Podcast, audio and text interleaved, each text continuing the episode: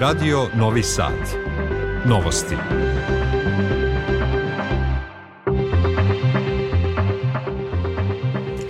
Dobar dan, počinju novosti. Ja sam Jasmina Dabić. Ja sam Milijana Kočić. Na početku najvažnije vesti.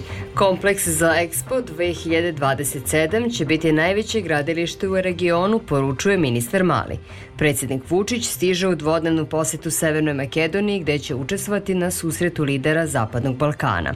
U ukrajinskom granatiranju Donjecka ubijeno 25 civila. Izraelske vojnici ubili 15 naoružanih palestinskih napadača na severu Gaze. Đoković u četvrtfinalu Australijan Opena nakon nakon što je pobedio Manarina sa 3-0. Sutra ujutru ponegde jak mraz, temperatura i do minus 10 stepeni. U Novom Sadu trenutno je 2 stepena. Ministar financija Siniša Mali poručio je prilikom obilaska pripremnih radova na lokaciji u Surčinu na kojoj će biti izgrađen kompleks za Expo 2027 da će taj prostor postati najveće gradilište u ovom delu Evrope. Istakao je da do decembra 2026. godine moraju biti predati ključevi paviljona svim zemljama učesnicama te manifestacije.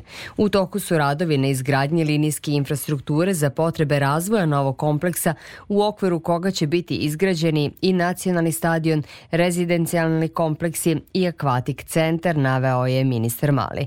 Predsednik Aleksandar Vučić je juče, predstavljajući program Skok u budućnost Srbija 2027, najavio da će ulaganja u sve projekte u naredne četiri godine, uključujući i Expo 2027, biti na nivou jednogodišnjeg budžeta, skoro 18 milijardi evra.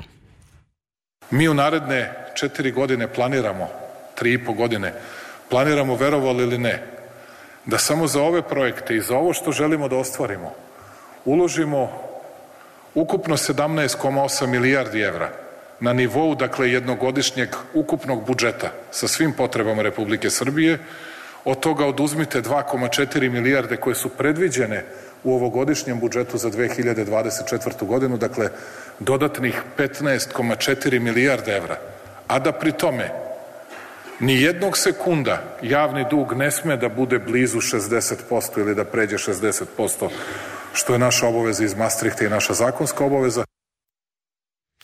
Predsednik Aleksandar Vučić prisustovaće u Severnoj Makedoniji susretu Zapadni Balkan i Evropska unija, kao i sastanku lidera o planu rasta za Zapadni Balkan. Taj događaj prati Aleksandra Popović.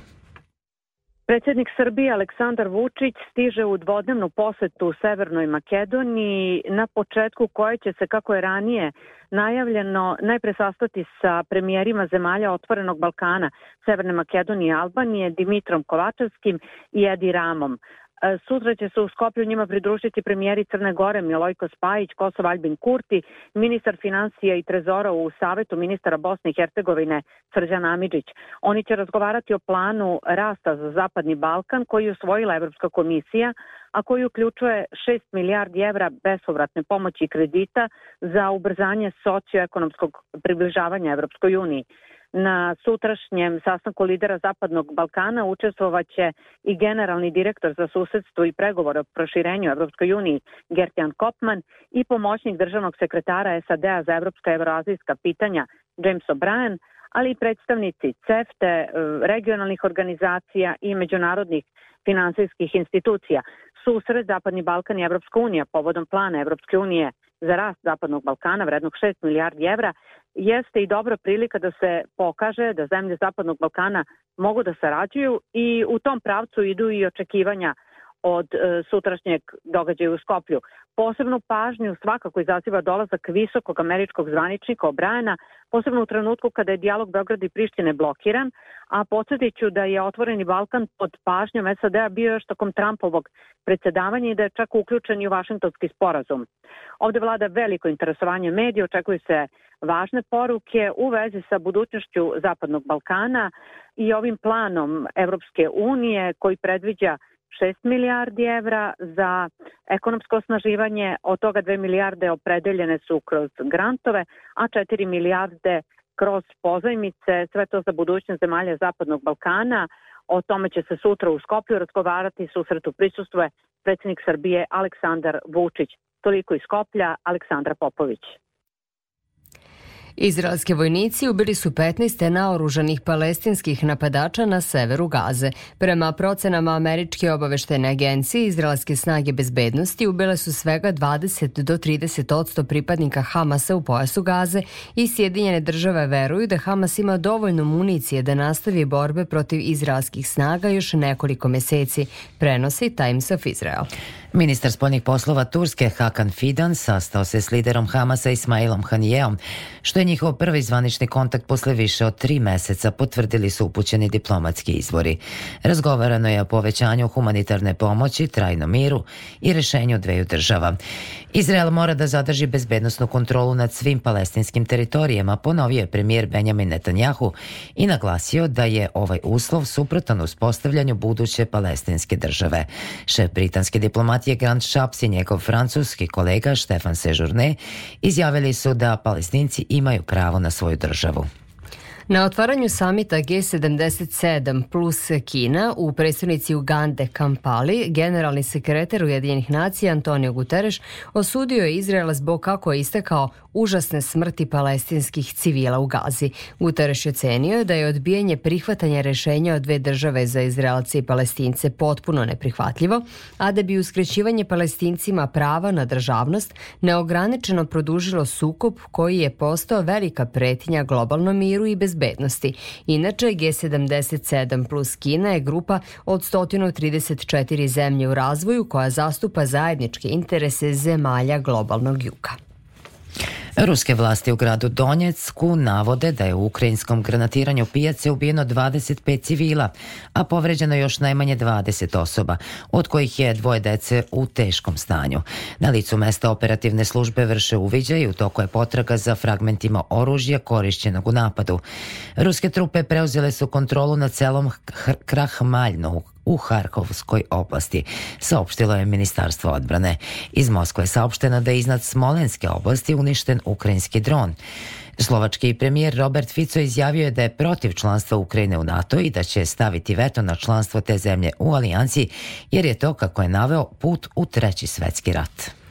Prilikom sudara tri automobila koji se sinoć dogodio u Severnoj Makedoniji u blizini graničnog prelaza Tabanovce život je izgubila 49-godišnja žena iz Kumanova.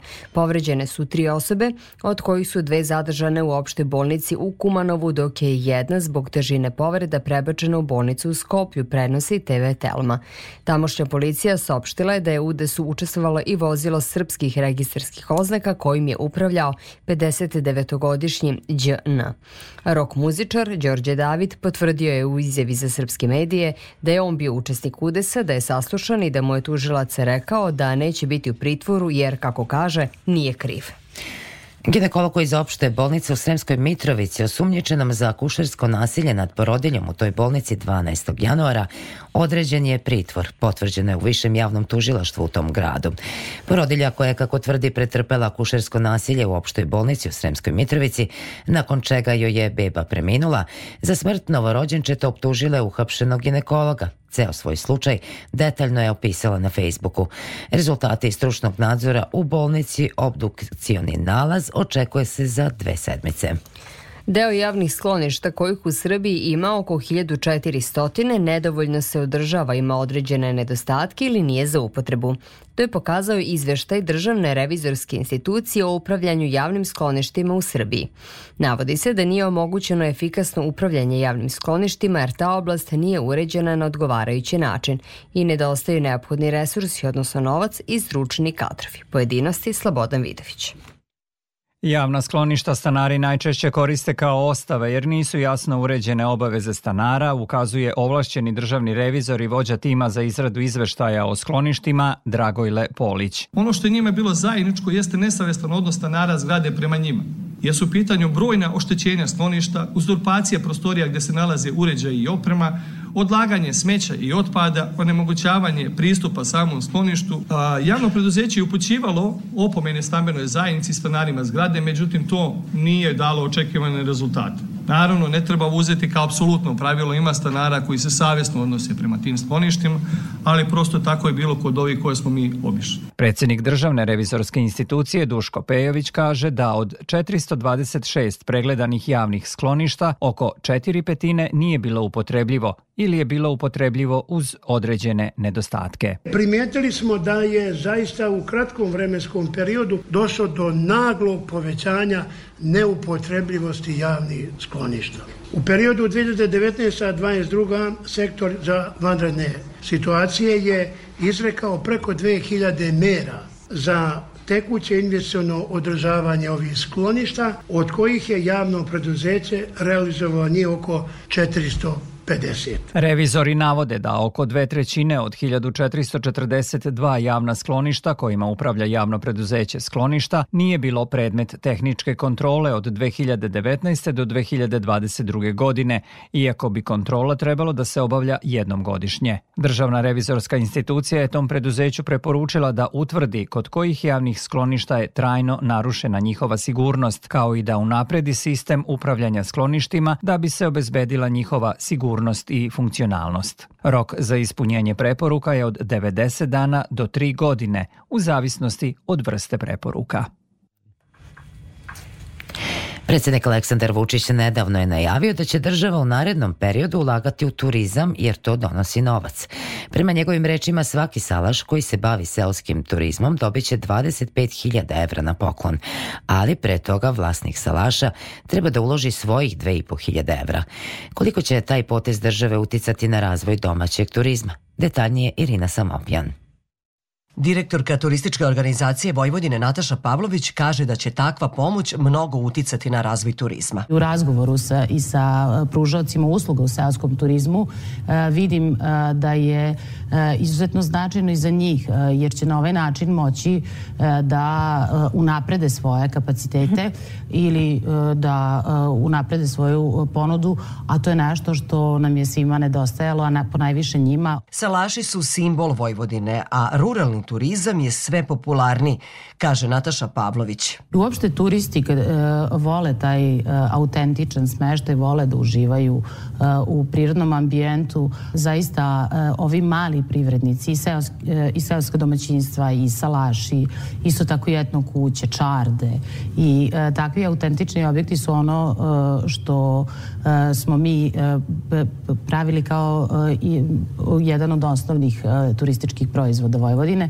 i evo sada se to i pokazalo zato što oni pružaju turisti e, autentičan doživljaj e, a to je nešto što savremeni turista e, sada i zahteva i teži. Kada pričamo i o domaćim i o stranim turistima, seoska turistička domaćinstva i salaši osvajaju veliki broj njih i uvek se ovi turisti rado vraćaju. Ona je dodala i to da je na sajtu turističke organizacije Vojvodine ažuriran priručnik za seoski turizam koji je, kako navodi, od velike pomoći onima koji žele da se bave tom vrstom turizma. Kraj maja u Novom Sadu turistička organizacija Vojvodine organizovaće prvi kongres ruralnog turizma. Ministar turizma Husein Memić najavio je nedavno da bi krajem januara ili početkom februara trebalo da bude završena uredba prema kojoj će za seoski turizam biti obezbeđeno 150 miliona dinara, odnosno nešto više od 24.000 evra po gazdinstvu. Namera je da ruralni turizam bude u narednom periodu glavna turistička atrakcija za domaće i strane turiste. Obeležavanjem dana Svetog Vinka počela je i nova vinska godina. Prvom rezidbom vinari procenjuju stanje vinove loze, a neki od njih poput Las Labonije i Subotice otišli su korak dalje, pa su od obeležavanja ovog sveca i folklora koji ga prati načinili turistički proizvod. Povodom ovog praznika ugostili su ljubitelje vina iz zemlje i inostranstva, zabeležio Boris Šuman. Jedan od najiskusnijih subotičkih vinara, Ferenc Šinka, na osnovu prve ovogodišnje rezidbe u vinogradu La Slabonija, uverio je prisutne da je vinova loza dobro prezimila. Sve je zeleno, još vegetacija nije skrenula. U ovom momentu vidimo da ovaj vinove loze jako lepo se prezimio. Kasnije kako će biti, šta će biti, to ne znamo.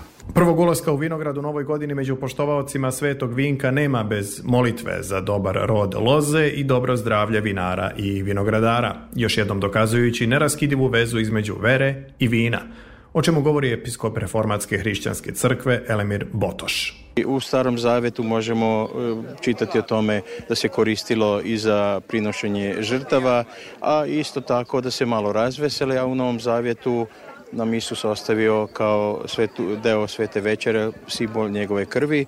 Među poštovaocima na dan Svetog Vinka bili su vitezovi vina iz više viteških redova u Srbiji, ali i vitezovi iz Mađarske i Hrvatske, okupljeni ispred vinske prese, stare tačno 202 godine. Ovi vitezovi su svojevrsni misionari vinske kulture. O tome govori prvi konzul reda vinskih vitezova Evrope u Srbiji, Miroslav Mrnuštik. Vitezovi naši raznih profila su na terenu stalno, među ljudima i kako ovi sade nove vinograde, tako im oni preporučuje sorte koje treba da su u tim vinogradima. Ne ide brzo, ali ide u dobrom pravcu. U tom pravcu ide i Laslo Boni, domaćin brojnim posetiocima iz Subotice, Vojvodine, ali i susedne Mađarske. Mi smo u nekim dečjim cipelama što se tiče ovog e, vinskog turizma. E, nedovoljno pažnje se obraća na to i ne mogu očekivati od nas da sve mi finansiramo vinari. Da uređen sistem daje dobre rezultate možda najbolje dokazuje primer susedne Mađarske, gde vinske festivale posećuju na desetine, a vinska sela koja nemaju ništa osim razvijenog sistema od čokota do kreveta i po stotine hiljada vinskih turista godišnje. Umetničko veće Engleske izdalo je saglasnost da slika Paja Jovanovića Odmor Baše Bozuka kupljena 9. novembra na aukciji kod londonskog Sadebija može da napusti Ujedinjeno kraljevstvo i konačno stigne u muzej grada Beograda, kazala je Tanjugu direktorka muzeja Jelena Medaković. Napomenula je da je saglasnost stigla 18. januara, samo dan pre isteka roka i podsjetila da je na aukciji za Jovanovićevo delo postignuta cena od 240.000 funti. Novosadsko pozorište Ujvide Kisinhas ove godine obeležava pola veka postojanja. Od 27. januara do 4. februara biće organizovana rođendanska nedelja, odnosno mini festival mađarskih pozorišta u Vojvodini. Opširnije Davorka Jelena Draško. Pozorište Ujvideki Sinhaz je od samog osnivanja jedna od najvažnijih kulturnih ustanova za vojvođanske Mađare, ističe upravnik tog pozorišta reditelj Andraš Urban. Kaže da će skoro desetodnevno slavlje povodom obeležavanja 50-godišnjice početi premijerom njegove predstave bilo jednom u Novom Sadu. Mađarska drama Narodnog pozorišta iz Subotice gostuje sa predstavom Miglic, Senđansko kamerno pozorište gostuje sa predstavom Umetnost, Žeže Kostolanji pozorište iz iz Subotice izvodit će predstavu Strah i trepet u Subotici i pored toga će biti još e, predstava e, Univerzum e, Kati Ladik će se iz multimedijalni performans i naravno i razgovor sa umetnicom. Ona je u stvari prva glumica koja je bila na ugovoru. To se zove kao majka glumica. Prva je koja je bila u radnom odnosu u Novosadskom pozrištu. Prema rečima našeg sagovornika, osim predstava, organizovan je zanimljiv muzički program. Možda možda da istaknem jazz, stvari savremeni e, muzički koncert Silar Meze i kvarteta, gde posle želimo da bude i jam session u klubu, a iz Mađarske nam dolazi poznata e, grupa to će biti na dan grada, znači prvog, parnog rast, e, svi koncerti su, znači ulaz je free, e, ne treba e, platiti za ulaznice, samo treba registrovati za predstave. Sve informacije mogu se dobiti na sajtu kao i na zvaničnom Facebook ili Instagram nalogu pozorišta. Vesti sporta, najbolji teniser sveta Novak Đoković savladao je Francuza Adriana Manarina sa 3-0 u setovima, čime se plasirao u četvrt finale Australijan Opena. Naredni protivnik bit će mu Amerikanac Taylor Fritz. Mimri Kecmanović sutra u 9 sati ujutru u borbi za četvrt finale igra protiv Španca Carlos Alcaraza. U utakmici 17. kola regionalne košarkaške ABA lige Crvena zvezda će od 18 časova u Beogradskoj Štark areni ugostiti FMP.